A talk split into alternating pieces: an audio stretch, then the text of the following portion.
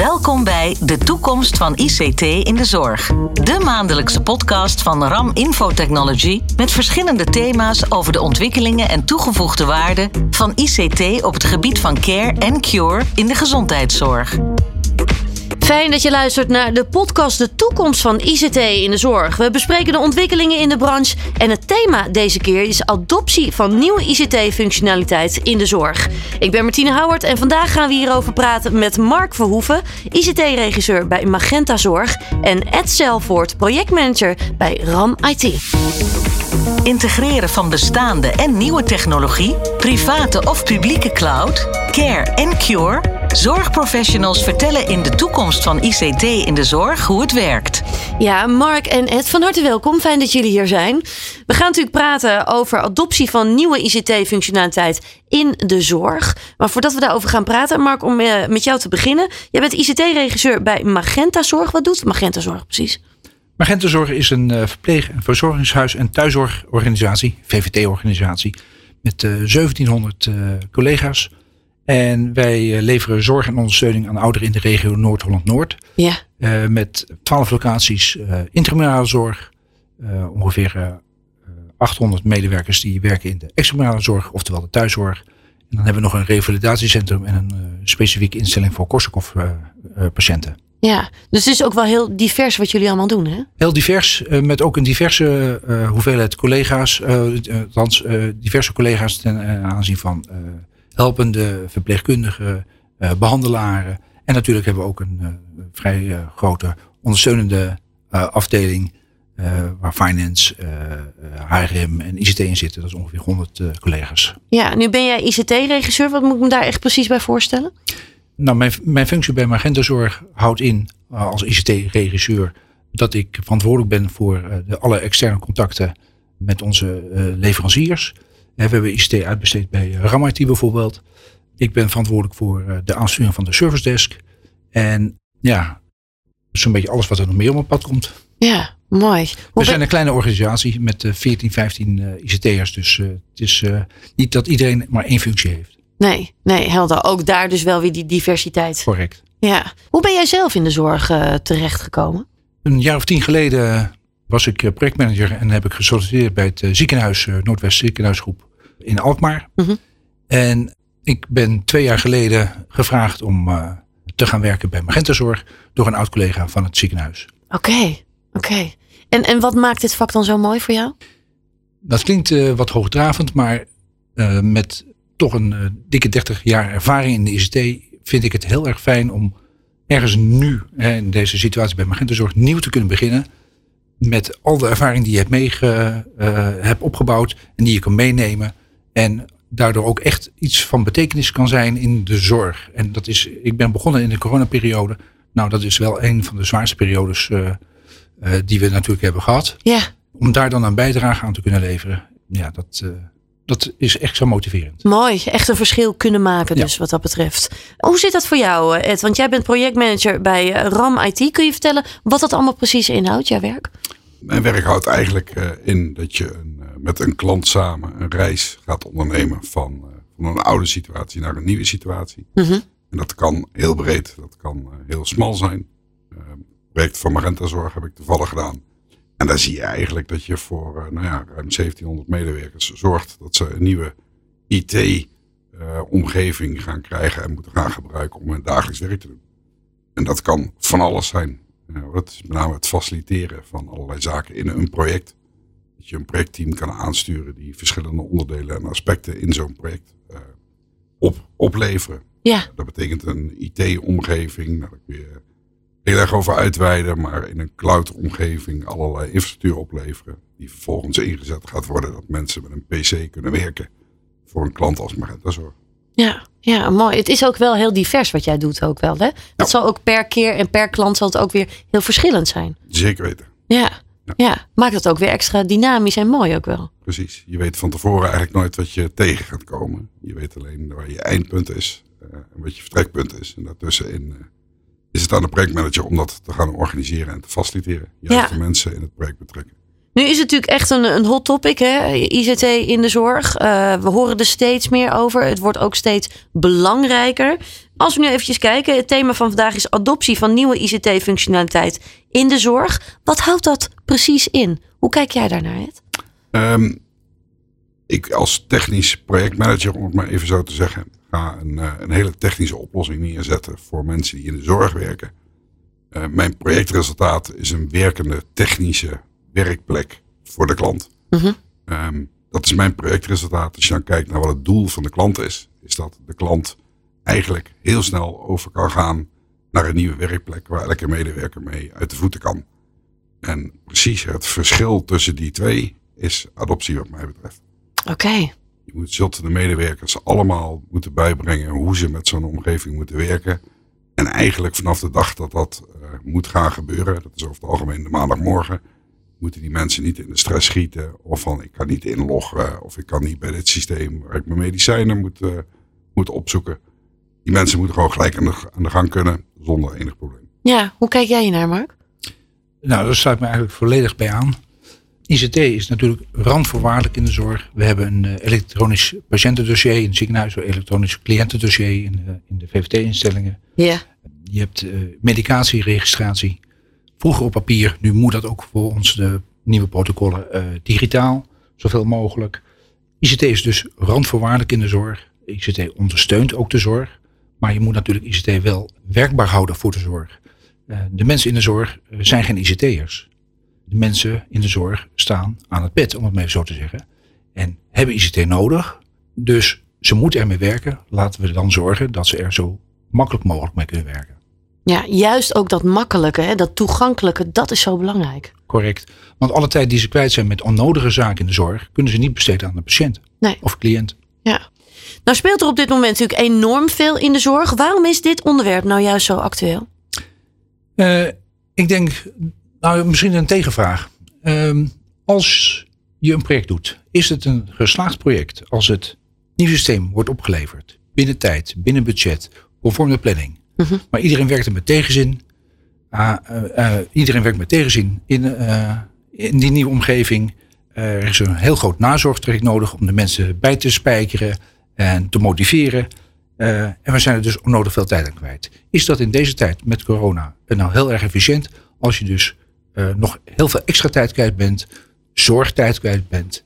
Uh, terwijl het ook in één keer goed kan gaan. Ja. First time right is ook in dit geval veel efficiënter en veel motiverender voor de mensen die in de zorg werken. Ja, ja die efficiëntie is dus heel erg belangrijk. Ed, hoe kijk jij hiernaar? Waarom is dit nu zo actueel?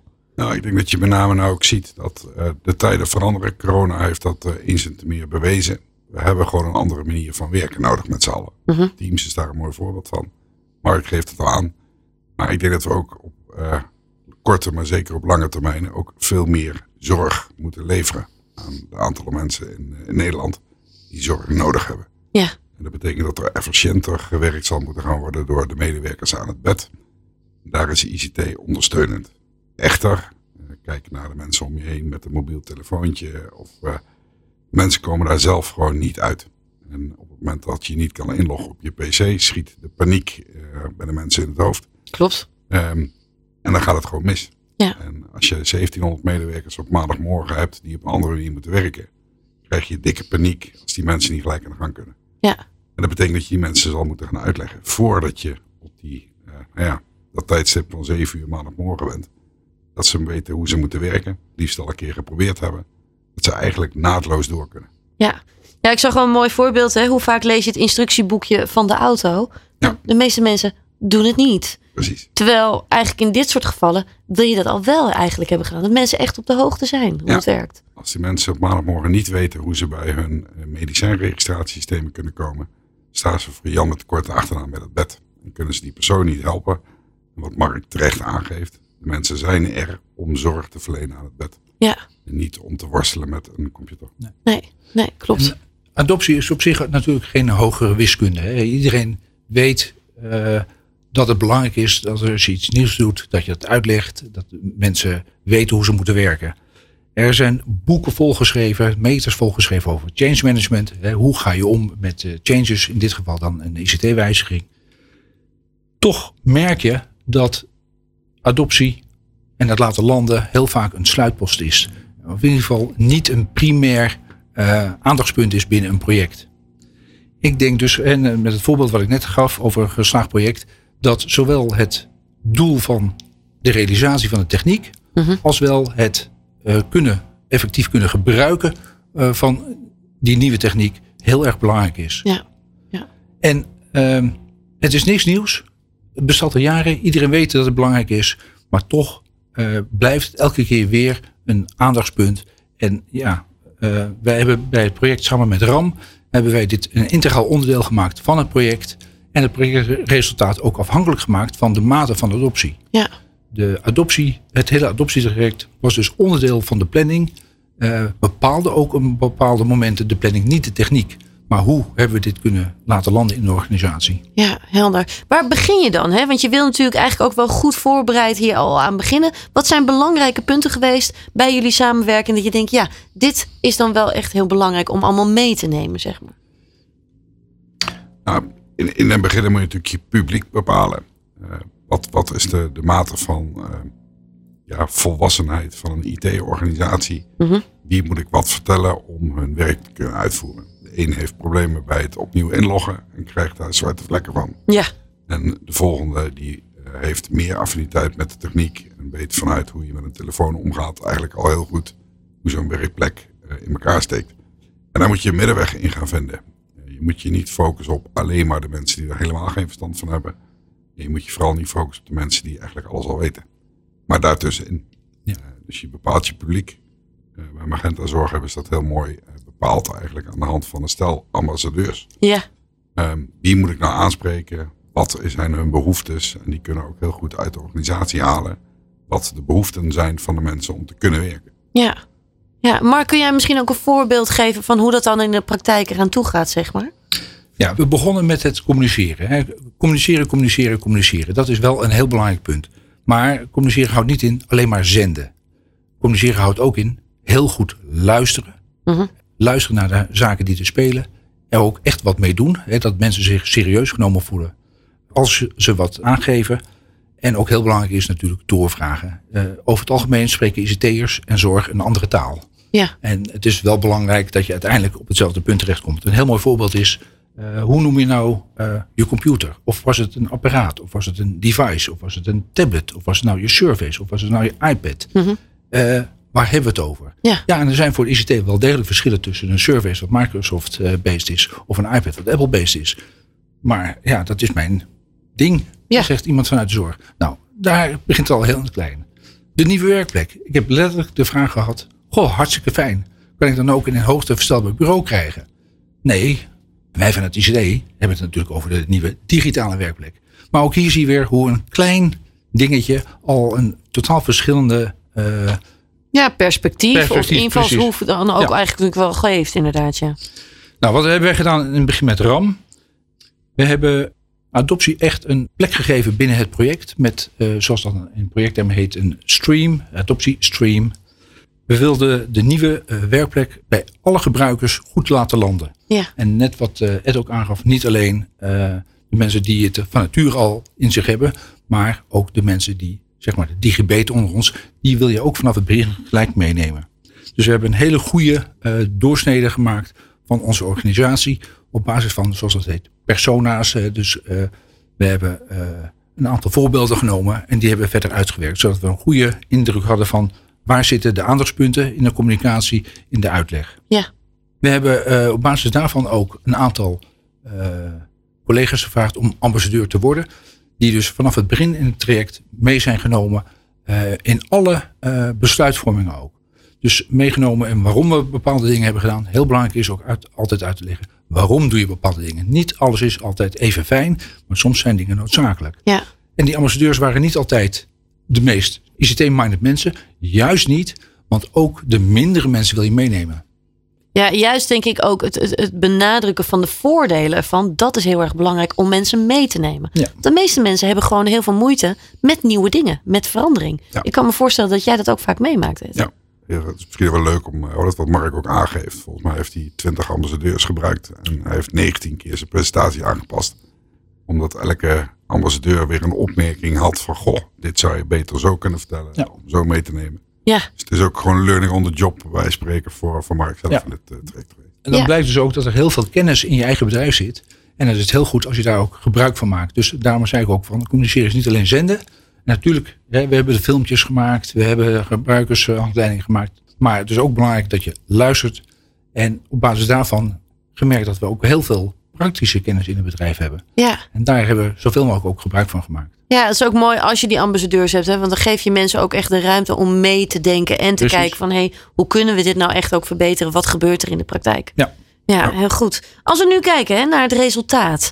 eh, hoe is het gegaan de afgelopen periode? Wat is nu het resultaat en hoe reageren mensen hierop? Nou, het is misschien sowieso wel leuk om te, te vermelden dat eh, nou ja, zo'n zo'n behoorlijk belangrijk moment is dan de maandagmorgen, zal ik maar zeggen. Klopt. Komen 1000 tot 1200 man komen naar hun werk toe. Die weten dat er wat gaat gebeuren. Ze weten ook dat het een nieuwe werkplek betreft. Ik zie hier ook alweer, wat is dan de nieuwe werkplek? Maar goed, ze komen op kantoor of in dit geval op, eh, op de zorglocatie aan en gaat met patiënt aan de, aan de gang. Maar moeten ook gebruik maken van hun nieuwe speeltje. Ja. En de grootste nachtmerrie voor het project is dat duizend man met tien vragen de helpdesk gaan bellen. Van ik kom er niet uit. Dat is wat je niet wil. We hebben dan vanuit RAM ook mensen rondlopen die de mensen op locatie zelf kunnen opvangen. We noemen dat de zogenaamde floorwalkers. Die hebben dan een mooi paars t-shirt aan. eh floorwalker achter op de rug. En die gaan bij de mensen langslopen van oké, wij kunnen jullie helpen met de eerste problemen. Ja, Zodat je daar de eerste stroom aan vragen al afvangt. Eh, we zetten ook mensen op locatie neer om de helpdesk te ondersteunen. Dat als die host komt, dat we dat ook gelijk eh, het hoofd kunnen bieden en oplossingen kunnen, kunnen aandragen. Dat is natuurlijk heel goed. Daar vang je de eerste klappen mee op. Maar hoe meer de mensen zelf kunnen doen en zelfredzaam zijn, dat is gewoon eh, het belangrijkste. Ja. Die zie je of hoor je nooit. En dat is denk ik heel goed gegaan. De mensen zijn meegenomen. Leuk voorbeeldje ook. eh, op het moment dat wij daar een nieuwe PC neerzetten bij de, bij de dames die, dat, eh, die daar op de afdeling zaten. En dan moet je je voorstellen, daar lopen mensen van een jaar of 18 rond. Maar daar zitten ook mensen van een jaar of 60. En die gaan gewoon elkaar helpen om opnieuw in te loggen. En hoe moeilijk dat dan is met wachtwoorden herstellen. En eenmalig je telefoon toevoegen om te kunnen authenticeren. Wat security-wise allemaal eh, moet tegenwoordig. Daar zijn die mensen niet mee bezig. klopt. Maar die helpen elkaar wel. En degene die daar dan de technische uitrol doet, helpt daar wel bij. En die ondersteunt. En dan krijg je toch een soort chemie. En luistert naar elkaar. En helpt elkaar. En dat, ja, dat heeft heel goed gewerkt. Ja, juist ook weer in deze tijden kan het mensen ook weer dichter bij elkaar brengen. Kan ik me ook zo weer voorstellen. Juist omdat je Ja. elkaar daar weer nou ja, bij helpt. Nou, en heel belangrijk, je gaf het zelf oh, net ook aan. eh, je doet natuurlijk een bepaald project omdat je een bepaald doel wil bereiken. Ja. En heel belangrijk is ook dat je richting de medewerkers, de organisatie, aangeeft what's in it for you. En in dit geval betere manier van werken, veilige manier van werken, snellere manier van werken. En daar moet je wel een paar dingetjes voor doen. Nou, dat is precies datgene wat we ook hebben proberen te doen eh, door in het begin, zeg maar, van grof naar fijn eh, te, co- te communiceren. Mhm. Eerst het globale doel, daarna specifieker. Ook echt, we hebben ook echt wel pijnpunten gehad. Maar als je die kan uitleggen en aan kan geven waarom je ze doet, dan zie je dat dat veel beter landt. En ook hier weer, het is allemaal geen hogere wiskunde. Het is gewoon heel praktisch. Iedereen weet eigenlijk wel wat de juiste stappen zijn. Ik denk dat we dit keer het verschil kunnen maken door ook echt al die stappen uit te voeren, er de juiste tijd en de juiste aandacht aan hebben eh, kunnen en mogen geven. Ja. Om het, het resultaat zo goed te laten zijn. Want we hebben uiteindelijk ook een heel nazorgtraject gehad. En dat nazorgtraject is gewoon eh, gehalveerd. Omdat eigenlijk iedereen er al mee kon werken. En als je het dan hebt over First Time Right. Nou, dan denk ik dat dit een project was waar je dat echt wel kan zeggen. Ja, dus wel, wat dat betreft dus ook wel een, een project waar jullie echt ook wel trots op zijn. Over hoe het is gegaan. Ja. Maar ook knetterleerzaam als ik het ook wel zo hoor. Nou, je leert er heel veel dingen van. Ja. Eh, dingen waarvan je denkt van ja, eh, logisch. Hadden we eh, goed dat we het nu hebben gezien. Ook bepaalde dingen waarvan je denkt, dat vond ik, je kan het nog beter. En we hebben natuurlijk ook een hele gemotiveerde, ja, toch even reclame maken voor Magentazorg. Eh de hele organisatie stond er ook wel achter. En we hebben een hele, eh, wat dat betreft, een hele mooie organisatie waar eh, iedereen toch eh, gemotiveerd en in dit traject heeft meegewerkt. Ja. En zonder dat bereik je natuurlijk ook niet zo'n resultaat. Nee. Een ander iets natuurlijk wel is, we hebben het natuurlijk heel erg over adoptie, maar is adoptie echt te plannen? Of is het toch wel eigenlijk wel een organisch proces? Ik denk dat het echt wel een organisch proces is. Want uh, je kan heel moeilijk plannen hoe bepaalde boodschappen bij de mensen binnenkomen. Wat ze ermee gaan doen, hoe ze het uh, ervaren. Ja. Dus ja, we hebben daar wel. Dus, uh, nou, ook hier weer terugkomend op wat ik eerder zei. Je krijgt er wel wat meer feeling bij als je ook echt gaat luisteren. En een van de belangrijkste zaken binnen dit traject is dat we een heel belangrijk punt bewust uit scope hebben gehaald, dus uit het project hebben gehaald, om het beter te kunnen laten landen. Dus we hebben niet uiteindelijk eh, wat we met de RAM hebben afgesproken om te gaan doen, daar hebben we een heel belangrijk stuk uitgehaald om eh, de impact op de zorg eh, behapbaar te houden. Ja. En eh, nou, dat was ook wel een puntje. Mooi. Ed, eh, voor jou zelf ook. Hè? Ik kan me zo voorstellen, bij ieder project leer jij zelf ook weer. Leren jullie ook weer. Wat halen jullie er ook weer uit, uit dit project? Nou, uit dit project was denk ik heel belangrijk wat Mark al aangaf. Dat een, een bepaald deel van de technische scope.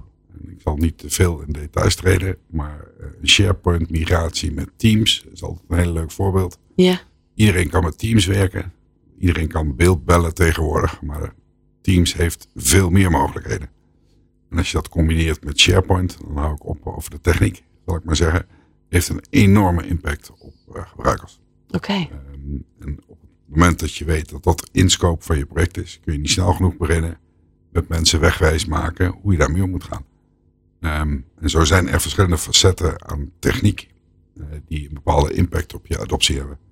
En de werkwijze van gebruikers. En hoe ja. eerder je dat weet, des te eerder je daarop kan acteren. En dan moet je ook echt denken aan dat je, dat je trainingen per persoon zal moeten geven om mensen daar wegwijs in te maken. Want je zegt impact. Kun je een voorbeeld geven dan? Waar, waar, waar moet ik dan aan denken? Wat voor soort impact? Um, tegenwoordig is uh, het werken in de cloud is natuurlijk heel populair. Maar op het moment dat je je PC openmaakt en daar de afbeelding van je laatste vakantie wil ophalen, dan staat die ineens niet meer op je PC. Ja. Maar die staat nu heel ergens anders. En dat uh, vinden over het algemeen medewerkers minder plezant. Dus je zult ze moeten uitleggen waar die foto terug te vinden is. Of moeten vertellen dat die nooit meer terug te vinden is. En dat, uh, dat strijkt tegen de haren van gebruikers in, over het algemeen. Het is ook gewoon wat dat betreft ook wel wennen. Hè? We moeten dan wennen aan die nieuwe werkplek, die ja. digitale werkplek. Uh, en, en dat heeft ook gewoon weer tijd nodig. Ja. Ja. Wel een mooi en interessant uh, project en natuurlijk ook wel situatie. En ik kan me ook voorstellen dat jullie ook willen blijven groeien op dit vlak, Mark. Ja, wat we al eerder hebben besproken, adoptie is denk ik uh, het goed laten landen van een projectresultaat. Uh, vind ik is een integraal onderdeel van een project. En uh, toch zie je nog heel vaak technische projecten die puur vanuit een 100% ICT-mind worden neergezet van dit is goed voor jullie.